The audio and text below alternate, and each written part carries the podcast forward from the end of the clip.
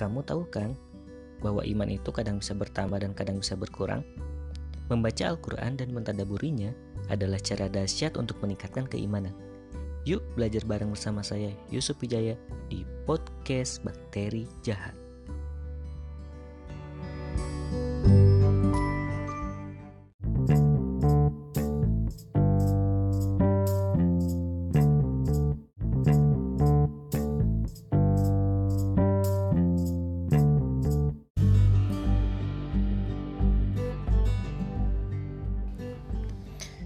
Assalamualaikum warahmatullahi wabarakatuh. Selamat datang kembali bersama Yusuf Wijaya di podcast Bakteri Jahat. Sekarang episode 7 Dan podcast ini sponsori oleh Tokopedia. Belanja di mana aja, kapan aja Cuma di Tokopedia. Halo, apa kabar semuanya? Baik-baik aja ya. Nah, kali ini episode 7 kali ini saya akan mencoba untuk mengkaji ya sama-sama belajar mengaji Al-Quran dan hadis karena tolabul ilmi faridotun ala muslim. Mencari ilmu itu hukumnya wajib bagi orang Islam ya. Uh, makanya podcast ini uh, saya harap sih dengan podcast ini kita bisa belajar ngaji bareng sama-sama gitu. Kan mungkin di antara teman-teman sekalian yang ada yang aduh males nih ke masjid nih ngaji. Males. Nah teman-teman bisa manfaatkan media podcast ini sebagai sarana untuk mengaji sama-sama ya belajar Quran dan hadis sama-sama oke? Okay?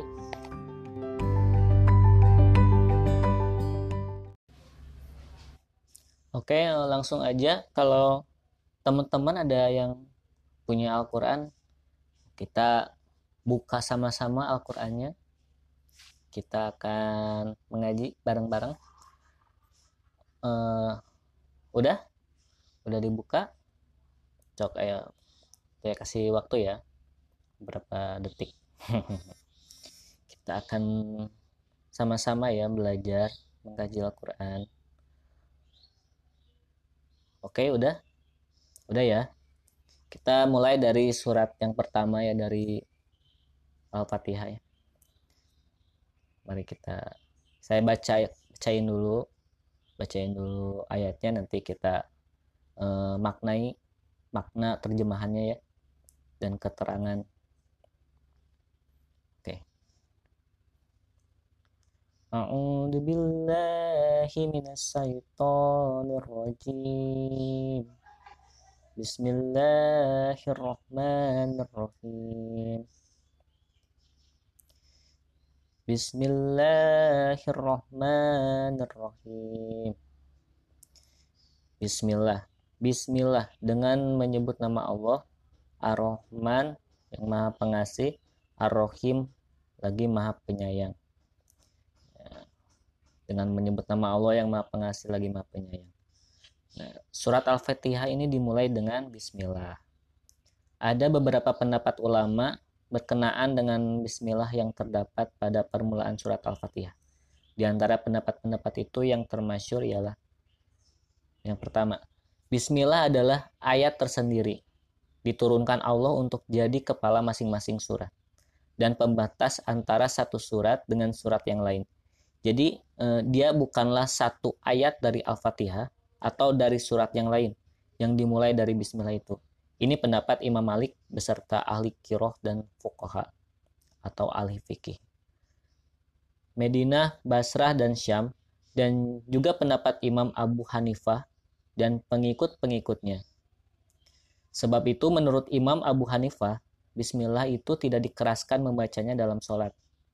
Bahkan Imam Malik tidak membaca Bismillah sama sekali. Hadis Nabi dari Anas bin Malik, dia berkata, saya sholat di belakang Nabi Sallallahu Alaihi Wasallam. Abu Bakar, Umar, dan Utsman. Mereka memulai dengan Alhamdulillahirobbil alamin, tidak menyebut Bismillahirrohmanirrohim di awal bacaan, dan tidak pula di akhirnya. Hadis riwayat Bukhari dan Muslim. Nah, jadi ada beberapa nih panduannya. Jadi ketika sholat, eh, Bismillahirrahmanirrahimnya tidak di eh, apa dikumandangkan gitu. Jadi langsung ke alhamdulillahirobbil alamin ya pas pertama sholatnya itu pas dikumandangkan. Ini menurut hadis riwayat Bukhari dan Muslim seperti itu. Kemudian yang kedua ada pengertian. Bismillah adalah salah satu ayat dari Al-Fatihah dan pada surah An-Naml yang dimulai dengan Bismillah. Ini adalah pendapat Imam Syafi'i beserta ahli kiroh Mekah dan Kufah. Sebab itu menurut mereka Bismillah itu dibaca dengan suara keras dalam sholat. Dalil-dalil yang menunjukkan hal itu antara lain hadis Nabi. Dari Ibnu Abbas ia berkata Rasulullah Shallallahu Alaihi Wasallam mengeraskan bacaan Bismillahirrahmanirrahim. Nah, riwayat Al-Hakim dalam Al-Mustadrak dan menurutnya hadis ini sohih. Nah, jadi ada juga nih hadis yang menerangkan bahwa ketika sholat ya di, apa Bismillahirrahmanirrahimnya dikumandangkan. Ya makanya jangan jadikan uh, wah ini kok beda sih yang ini uh, dari Alhamdulillah, yang ini dari Bismillah. Ya karena ya nggak apa-apa karena ada hadisnya hadisnya masing-masing ya jadi jangan dijadikan perdebatan oke oke kita lanjut lagi ke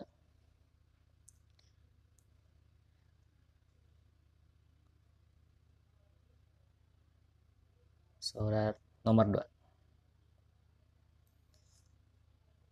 eh ayat nomor 2 ya Alhamdulillahi Rabbil Alamin.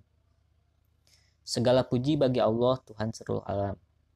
Alhamdulillah segala pujian lillahi bagi Allah Rabbi Tuhan al-alamin alam semesta.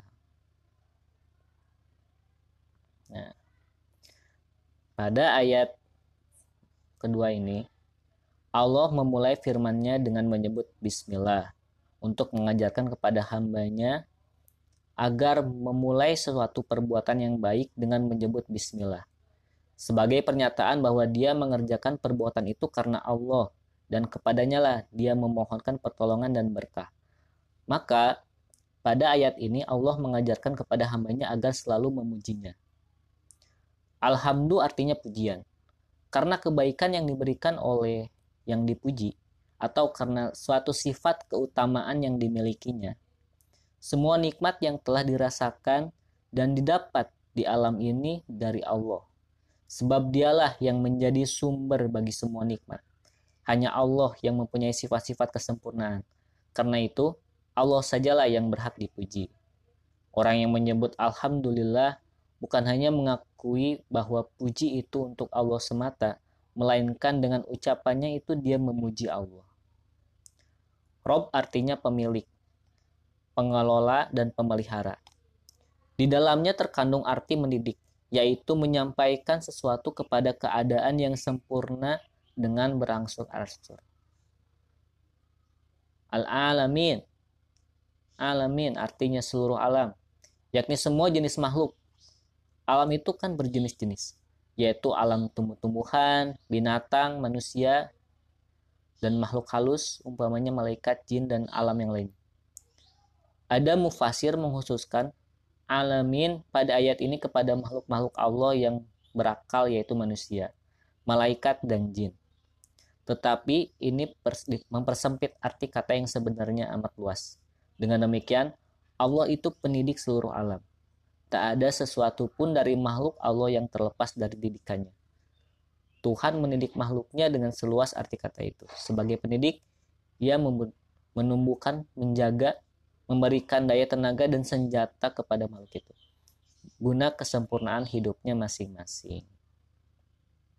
Siapa yang memperhatikan perjalanan bintang-bintang, menyelidiki kehidupan tumbuhan-tumbuhan dan binatang di laut dan di darat, mempelajari pertumbuhan manusia sejak dari rahim ibunya sampai ke masa kanak-kanak, lalu menjadi manusia yang sempurna, taulah dia bahwa tidak ada sesuatu juga dari makhluk Allah yang terlepas dari penjagaan, pemeliharaan, asuhan dan inayahnya. Itu ayat yang ayat yang kedua, ayat yang ketiga Ar-Rahman Ar-Rahim. Ar-Rahman Maha Pengasih, Ar-Rahim lagi Maha Penyayang. Eh, dialah Allah yang Maha Pengasih, pemilik dan sumber sifat kasih yang menganugerahkan segala macam karunia baik besar maupun kecil kepada seluruh makhluk. Maha penyayang yang selalu tiada henti memberi kasih dan kebaikan kepada orang-orang yang beriman. Dialah satu-satunya pemilik hari pembalasan dan perhitungan atas segala perbuatan, yaitu hari kiamat. Kepemilikannya pada hari itu bersifat mutlak dan tidak disekutuai oleh sesuatu apa pun. Ya, lanjut lagi ayat keempat.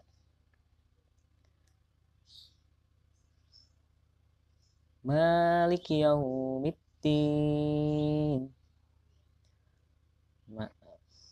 Maliki penguasa yaumi hari din pembalasan. Pemilik hari pembalasan. Dialah satu-satunya pemilik hari pembalasan dan perhitungan atas segala perbuatan, yaitu hari kiamat. Kepemilikannya pada hari itu bersifat mutlak dan tidak disekutui oleh suatu apa pun. Atas dasar itu semua, hanya kepada engkaulah kami menyembah dan beribadah dengan penuh ketulusan, kehusyuan, dan tawakal dan hanya kepada engkaulah kami memohon pertolongan dalam segala urusan dan keadaan kami sambil kami berusaha keras. Eh, yang selanjutnya ayat ke 5 Iya karena budu wa iya karena stain.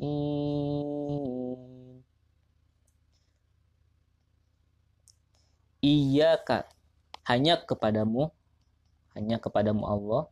Na'budu kami menyembah. Wa iyyaka dan hanya kepadamu nasta'in kami mohon pertolongan hanya kepada engkaulah kami menyembah dan hanya kepada engkaulah kami memohon pertolongan nah, atas dasar itu semua hanya kepada Allah lah kita menyembah dan beribadah dengan penuh ketulusan, kehusyuan dan tawakal dan hanya kepada Allah lah kita memohon pertolongan dalam segala urusan dan keadaan. Sambil berusaha keras.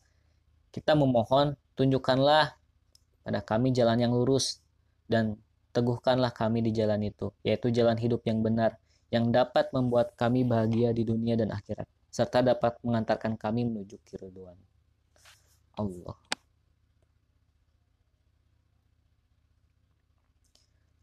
maksud ayat berikutnya ya. Ayat 6. Ihdinas siratal mustaqim.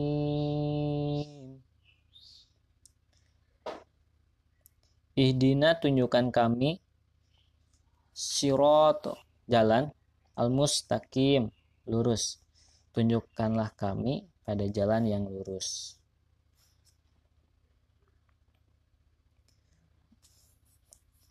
ihdi pimpinlah tunjukilah berilah hidayah arti hidayah ialah menunjukkan suatu jalan atau cara menyampaikan orang kepada orang yang ditujunya dengan baik macam-macam hidayah atau petunjuk Allah telah memberi manusia bermacam-macam hidayah seperti yang juga dibahas dalam tafsir Al-Fatihah oleh Muhammad Abdul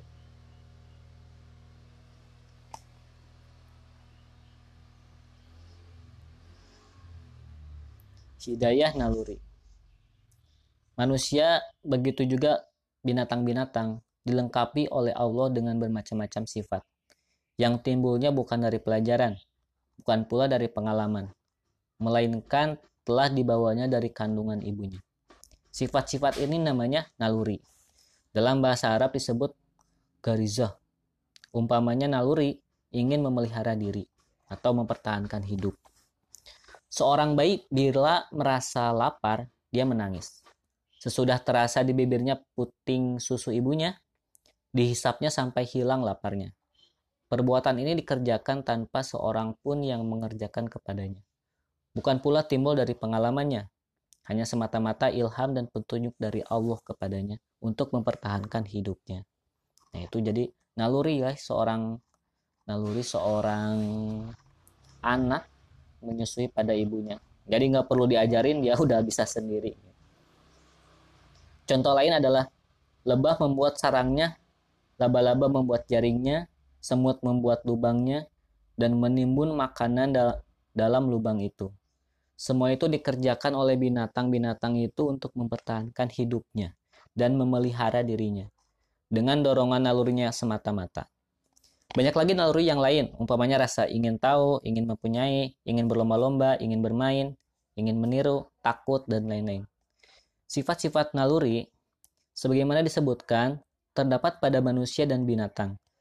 Perbedaannya ialah naluri manusia bisa menerima pendidikan dan perbaikan, tetapi naluri binatang tidak. Sebab itulah manusia bisa maju, sedangkan binatang tidak. Ia tetap seperti sedia kala. Naluri-naluri itu adalah dasar bagi kebaikan dan juga dasar bagi kejahatan. Umpamanya, naluri ingin memelihara diri. Orang berusaha, berniaga, bertani artinya mencari nafkah secara halal. Sebaliknya, karena naluri ingin memelihara diri, itu pula orang mencuri, menipu, merampok, dan lain-lain karena naluri ingin, ingin tahu orang belajar sehingga memiliki pengetahuan yang banyak dan pendidikan yang tinggi. Sebaliknya, karena naluri orang suka mencari-cari aib dan rahasia sesamanya yang mengakibatkan permusuhan dan persengketaan. Demikianlah seterusnya dengan naluri-naluri yang lain. Naluri-naluri itu tidak dapat dihilangkan dan tidak ada faedahnya membunuhnya ada pemikir dan pendidik yang hendak memadamkan naluri karena e, melihat segi yang tidak baik atau jahat. Sebab itu mereka membuat bermacam peraturan untuk mengikat kemerdekaan anak-anak agar naluri itu jangan tumbuh atau mana yang telah tumbuh menjadi mati. Tetapi perbuatan mereka itu besar bahayanya terhadap pertumbuhan akal, tubuh dan akhlak-akhlak anak. Nah, e, Bagaimanapun, orang berusaha hendak membunuh naluri itu, namun ia tidak akan mati. Boleh jadi karena kerasnya tekanan dan kuatnya rintangan terhadap suatu naluri, maka kelihatan ia telah padam. Tetapi manakala ada yang membangkitkannya, ia timbul kembali. Oleh karena itu, sekalipun naluri itu dasar bagi kebaikan, sebagaimana ia juga dasar bagi kejahatan, kewajiban manusia bukanlah menghilangkannya, tetapi mendidik dan melatihnya agar dapat dimanfaatkan dan disalurkan ke arah yang baik. Allah telah menganugerahkan kepada manusia bermacam-macam naluri untuk jadi hidayah atau petunjuk yang akan dipakainya secara bijaksana. Tadi kan hidayah naluri. Yang kedua ada hidayah eh, panca indera jadi ketika naluri itu sifatnya belum pasti, sebagaimana disebutkan di atas, maka ia belum cukup untuk jadi hidayah bagi kebahagiaan hidup manusia di dunia dan di akhirat. Sebab itu, manusia dilengkapi lagi oleh Allah dengan panca indera. Panca indera itu sangat besar perannya terhadap pertumbuhan akal dan pikiran manusia. Sehubungan dengan itu, alih-alih pendidik berkata, panca indera adalah pintu-pintu pengetahuan. Maksudnya ialah dengan perantaraan panca indera itu, manusia dapat berhubungan dengan alam sekitar. Dengan arti bahwa sampainya sesuatu dari alam sekitar ini ke dalam otak manusia adalah melalui pintu-pintu panca indera. Tetapi naluri ditambah dengan panca indera juga belum cukup untuk jadi pokok-pokok kebahagiaan manusia. Banyak lagi benda-benda di dalam di alam ini yang tidak dapat dilihat oleh mata banyak macam suara yang tidak dapat didengar oleh telinga. Malah selain dari alam mahsusat yang yang dapat ditangkap oleh panca indera maksudnya, ada lagi alam makulat yang hanya dapat ditangkap oleh akal. Indera penglihatan atau mata hanya dapat menangkap alam mahsusat. Tangkapannya tentang alam alam yang mahsusat itu pun tidak selamanya betul. Kadang-kadang salah. Inilah yang dinamakan dalam ilmu jiwa ilusi optik, tipuan pandangan. Dalam bahasa Arab disebut hidoan, nadar. Sebab itu manusia masih membutuhkan hidayah yang lain. Maka Allah menganugerahkan hidayah yang ketiga yaitu hidayah akal. Hidayah akal. Tadi yang pertama hidayah apa? Hidayah naluri, yang kedua hidayah panca indera, yang ketiga hidayah akal. Akal. Akal dan kadar kesanggupannya dengan adanya akal manusia dapat menyalurkan naluri ke arah yang baik agar naluri itu menjadi sumber bagi kebaikan, dan manusia dapat membetulkan kesalahan-kesalahan panca inderanya. Membedakan yang buruk dengan yang baik, akal bahkan sanggup menyusun mukadimah untuk menyampaikannya kepada natijah. Mempertalikan akibat dengan sebab, memakai yang mahsusat sebagai tangga kepada yang makul. Mempergunakan yang dapat dilihat, diraba, dan dirasakan untuk sampai kepada yang abstrak, maknawi, dan gaib. Mengambil dalil dari adanya makhluk untuk menetapkan adanya holik. Dan begitulah seterusnya. Tetapi akal manusia juga belum memadai untuk membawanya kepada kebahagiaan hidup di dunia dan dan di akhirat. Di samping berbagai macam naluri dan panca indera itu. Apalagi pendapat akal itu bermacam-macam. Yang baik menurut pikiran si A belum tentu baik menurut pandangan si B. Ya enggak? Malah banyak manusia yang mempergunakan akalnya, tetapi akalnya dikalahkan oleh hawa nafsu dan sentimennya. Hingga yang buruk itu menjadi baik dalam pandangannya, dan yang baik itu menjadi buruk. Dengan demikian, nyatalah bahwa naluri ditambah dengan panca indera dan ditambah pula dengan akal belum cukup untuk menjadikan hidayah yang akan menyampaikan manusia kepada kebahagiaan hidup jasmani dan rohani di dunia dan akhirat. Oleh karena itu, manusia membutuhkan hidayah lain di samping paca indera dan akalnya, yaitu hidayah agama yang dibawa oleh para rasul. Rasulullah SAW.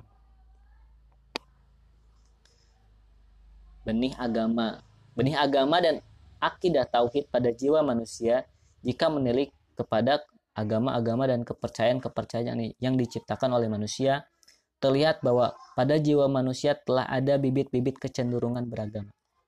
Hal itu karena manusia mempunyai sifat merasa berutang budi, suka berterima kasih dan membalas budi kepada orang yang berbuat baik kepadanya, ya enggak?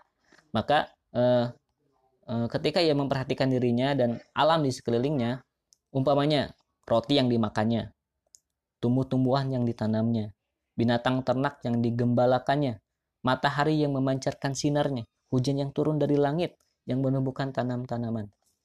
Dia akan merasa berutang budi kepada suatu zat yang goib yang telah berbuat baik dan melimpahkan nikmat yang besar itu kepadanya. Manusia memahami dengan akalnya bahwa zat yang goib itu itulah yang menciptakannya, yang menganugerahkannya kepadanya dan kepada jenis manusia seluruhnya segala sesuatu yang dibutuhkannya yang ada di dalam alam ini untuk memelihara diri dan mempertahankan hidupnya karena merasa berutang budi kepada suatu zat yang goib itu maka dia berpikir bagaimana cara berterima kasih dengan membalas budi. Bagaimana cara berterima kasih dan membalas budi itu. dengan perkataan lain bagaimana cara menyembah zat yang goib itu. Perihal bagaimana cara menyembah zat yang goib adalah suatu masalah yang sukar, yang tidak dapat dicapai oleh akal manusia. Sebab itu, di dalam sejarah terlihat tidak pernah ada keseragaman dalam hal ini. Bahkan akal pikiran manusia akan membawanya kepada kepercayaan yang mengagungkan alam di samping mengagungkan zat yang goib itu. Karena pikirannya masih bersahaja dan belum tergambarkan di otaknya bagaimana menyembah zat yang goib. Maka dipilihlah di antara alam ini sesuatu yang besar, yang indah, yang banyak manfaatnya, atau sesuatu yang ditakutinya untuk jadi lambang bagi zat yang goib. Ketika dia mengagumi matahari, bulan dan bintang-bintang, sungai-sungai, binatang, dan lain-lain. Maka disembahnya benda-benda itu sebagai lambang menyembah Tuhan atau zat yang goib itu. Dan diciptakannya cara-cara beribadah, menyembah benda-benda itu. Dengan cara itu timbul suatu macam kepercayaan yang dinamakan dengan kepercayaan yang menyembah kekuatan alam. Seperti yang terdapat di Mesir, Kaldai, Babilonia, Assyria, dan tempat-tempat lain di zaman purbakala. Dengan keterangan ini, tampak bahwa manusia menurut fitrahnya cenderung beragama. Acap memikirkan dari mana datangnya alam ini dan ke manakah kembalinya. Bila manusia mau memikirkan dari mana datangnya alam ini, dari mana datangnya alam ini akan sampai pada keyakinan tentang adanya Tuhan. Bahkan akan sampai kepada keyakinan tentang keesaan tahu. Tentang keesaan Tuhan. Nah, jadi eh, hidayah itu tadi ada berapa? Yang pertama hidayah naluri, yang kedua hidayah eh, panca indera, yang ketiga hidayah akal atau pikiran, nah yang keempat itu hidayah agama, hidayah agama. Jadi eh, Pokok-pokok agama ketuhanan Allah mengutus rasul-rasul untuk membawa agama yang akan menunjukkan kepada manusia jalan yang harus mereka tempuh untuk kebahagiaan mereka di dunia dan akhirat. Mula-mula yang ditanamkan oleh rasul-rasul itu adalah kepercayaan tentang adanya Tuhan yang Maha Esa dengan segala sifat kesempurnaannya guna membersihkan itikan manusia dari syirik Rasul membawa manusia kepada kepercayaan tauhid dengan melalui akal dan logika, yaitu dengan mempergunakan dalil-dalil yang tepat dan logis. Dialog antara Nabi Ibrahim dan dengan Namrud, Nabi Musa dengan Firaun, dan seruan-seruan Al-Quran kepada kaum musyrikin Quraisy. Semuanya mengajak agar mereka mempergunakan akal. Di samping kepercayaan kepada adanya Tuhan yang Maha Esa, Rasul-Rasul juga menyeru untuk percaya kepada akhirat dan para malaikat. Percaya kepada adanya Tuhan yang Maha Esa dengan segala sifat-sifat kesempurnaannya, serta adanya malaikat dan hari kemudian dinamakan Al-Imam Bil Al-Goib, kepercayaan kepada yang goib. Itulah yang menjadi pokok bagi semua agama samawi dan dengan arti bahwa semua agama yang datangnya dari Tuhan adalah mempercayai keesaan Tuhan, para malaikat dan hari akhir. Di samping akidah yang disebutkan itu, para rasul juga membawa hukum-hukum, peraturan-peraturan, akhlak, dan pelajaran-pelajaran hukum-hukum dan peraturan-peraturan ini tidak seluruhnya sama. Artinya apa yang diturunkan kepada Nabi Ibrahim tidak sama dengan yang diturunkan kepada Nabi Musa dan apa yang dibawa oleh Nabi Isa tidak serupa dengan yang dibawa oleh Nabi Muhammad SAW. Hal ini dikarenakan hukum-hukum dan peraturan-peraturan itu haruslah sesuai dengan keadaan tempat dan masa. Maka syariat yang dibawa oleh nabi-nabi itu adalah sesuai dengan masanya masing-masing. Jadi yang berlainan itu ialah hukum-hukum furu atau cabang-cabang. Sedangkan pokok-pokok hukum agama seperti akidah adalah sama. Karena Nabi Muhammad SAW adalah nabi penutup, maka syariat yang dibawanya diberi oleh Allah sifat-sifat tertentu agar sesuai dengan segala masa dan keadaan. Hidayah yang dimohonkan kepada Tuhan Allah telah menganugerahkan agama Islam sebagai hidayah dan senjata hidup yang penghabisan atau jalan kepada kebahagiaan yang terakhir. Tetapi adakah semua orang pandai mempergunakan senjata itu dan adakah semua hamba Allah sukses dalam menempuh jalan yang telah dibentangkan oleh Allah, banyak manusia salah menerapkan agama, tidak beribadah atau menyembah Allah sesuai dengan yang diridhoi oleh yang oleh yang disembah. Tidak melaksanakan syariat sesuai dengan yang dimaksud oleh pembuat syariat, yaitu Allah. Karena itu, Allah mengajarkan kepada manusia cara memohon kepadanya agar diberi agar diberinya maunah, dibimbing dan dijaga selama-lamanya serta diberinya taufik agar dapat memanfaatkan semua macam hidayah yang telah dianugerahkan itu menurut semestinya. Naluri-naluri agar dapat disalurkan ke arah yang baik, baca indera agar betul, akar akal agar sesuai dengan yang benar, tuntunan-tuntunan agama agar dapat dilaksanakan menurut yang dimaksudkan oleh yang menurunkan agama itu, tanpa ada cacat, janggal, dan salah. Tegasnya, manusia yang telah diberi Allah bermacam-macam hidayah yang disebutkan di atas, yaitu naluri, panca indera, akal, dan agama, belumlah cukup. Belumlah cukup.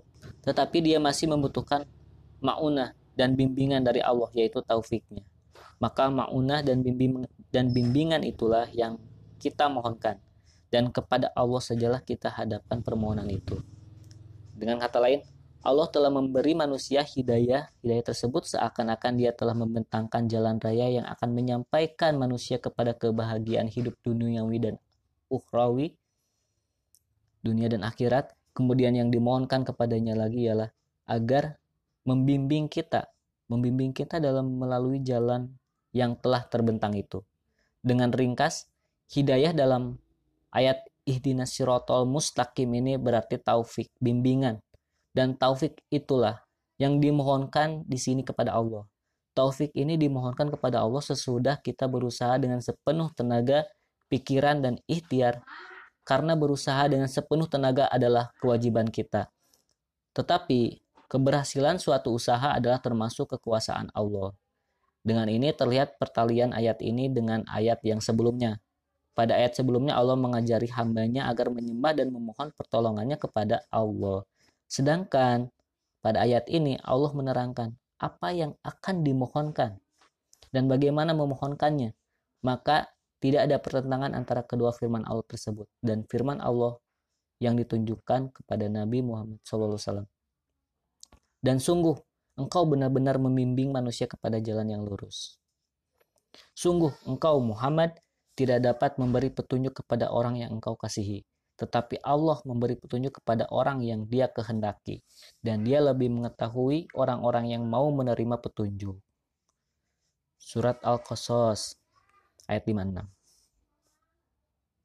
Nah, sebab yang dimaksud dengan hidayah pada ayat pertama ialah menunjukkan jalan yang harus ditempuh, dan ini memang tugas Nabi. Yang dimaksud dengan hidayah pada ayat kedua ialah membimbing manusia dalam menempuh jalan itu dan memberikan taufik agar sukses dan berbahagia dalam perjalanannya.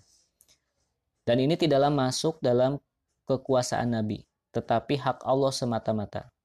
Jalan yang lurus yang menyampaikan kepada yang dituju. Nah, apakah yang dimaksud dengan jalan yang lurus itu? Nah, di atas telah tadi telah diterangkan ya. Tadi telah diterangkan bahwa Rasul-rasul telah membawa membawa akidah, membawa kepercayaan-kepercayaan, hukum-hukum, peraturan-peraturan, akhlak dalam pelajaran-pelajaran. Pendeknya, para rasul telah membawa segala sesuatu yang perlu untuk kebahagiaan hidup manusia di dunia dan di akhirat. Maka hukum-hukum, peraturan-peraturan, akhlak, dan pelajaran-pelajaran itulah yang dimaksud dengan jalan yang lurus itu. Karena dialah yang menyampaikan manusia kepada kebahagiaan hidup di dunia dan akhirat. Sebagaimana disebutkan, jadi dengan menyebut ayat ini seakan-akan kita memohon kepada Allah, bimbing dan berilah kami taufik, ya Allah, dalam melaksanakan ajaran-ajaran agama kami. Betulkanlah kepercayaan kami, bimbing dan berilah kami taufik dalam melaksanakan kepercayaan kami. Bimbing dan berilah kami taufik dalam melaksanakan hukum, peraturan-peraturan, serta pelajaran-pelajaran agama kami. Jadikanlah kami mempunyai akhlak yang mulia, agar berbahagia hidup kami di dunia dan akhirat.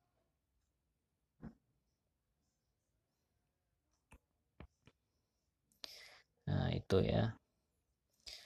Selanjutnya ya ayat tadi ayat 6 surat siratal mustaqim sekarang ayat 7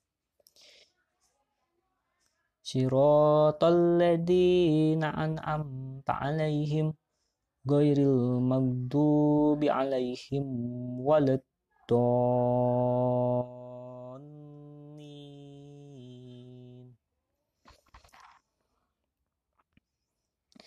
Siroto jalan aladina orang-orang yang an'amtu diberi nikmat. Alaihim kepadanya goiri bukan alamagdub orang yang dimurkai. Alaihim kepadanya wala dan tidak dolin orang-orang yang sesat.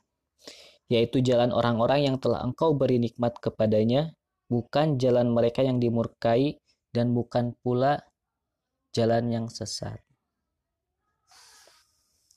Maknanya, setelah Allah Subhanahu wa Ta'ala mengajarkan kepada hambanya untuk memohon agar selalu dibimbingnya menuju jalan yang lurus dan benar, pada ayat ini Allah menerangkan apa jalan yang lurus itu.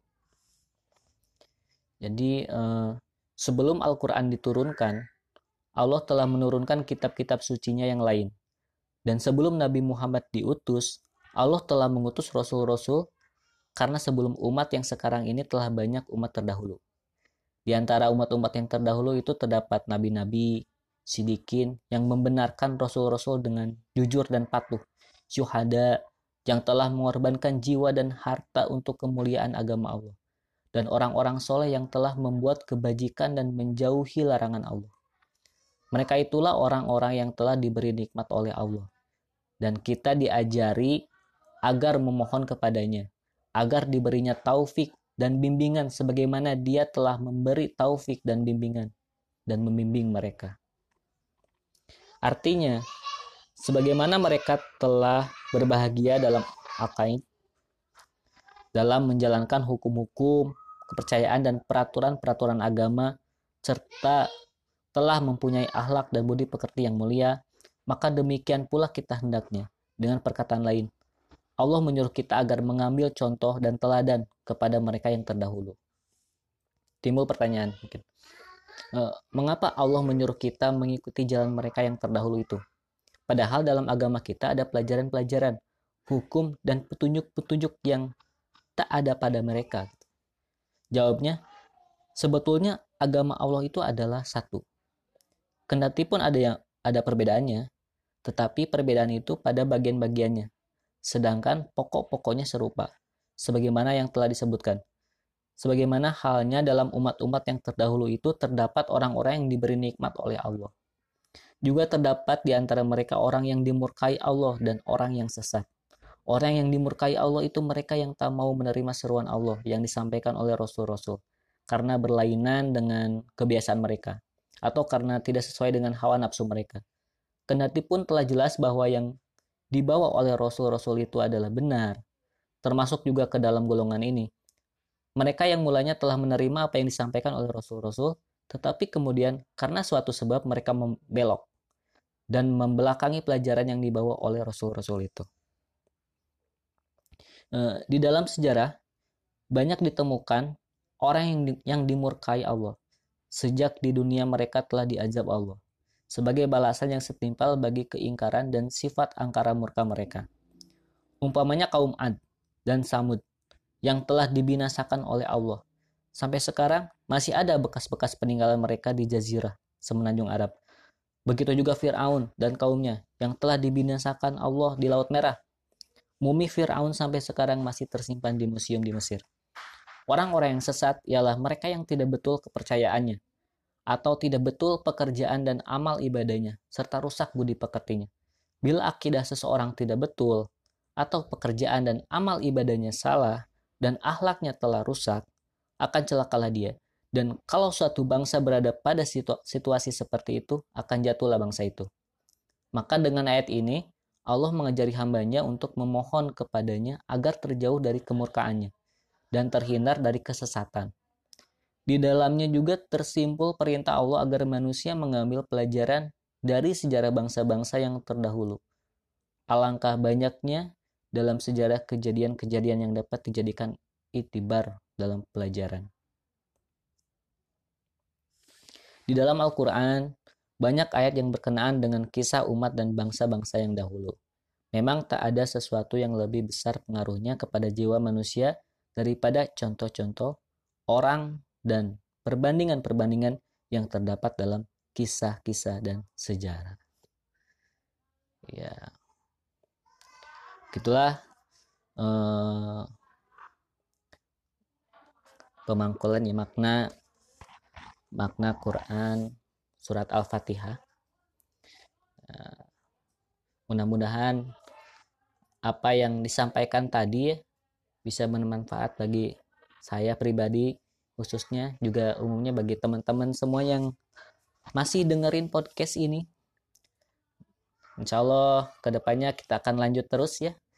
Ini eh, episode 7 kita khususkan surat Al-Fatihah dulu. Nanti mungkin lanjut ya ke surat Al-Baqarah di episode berikutnya. Oke. Okay? Stay terus, jangan lupa terus dengerin podcast Bakteri Jahat. Sampai habis ya teman-teman. Uh, terima kasih banyak telah mendengarkan dari awal sampai akhir. Apabila ada kekurangan mohon dimaafkan. Apabila ada perkataan-perkataan yang tidak sesuai mohon diingatkan ya. Uh, segitu aja dari saya. Saya Supi Jaya pamit. Assalamualaikum warahmatullahi wabarakatuh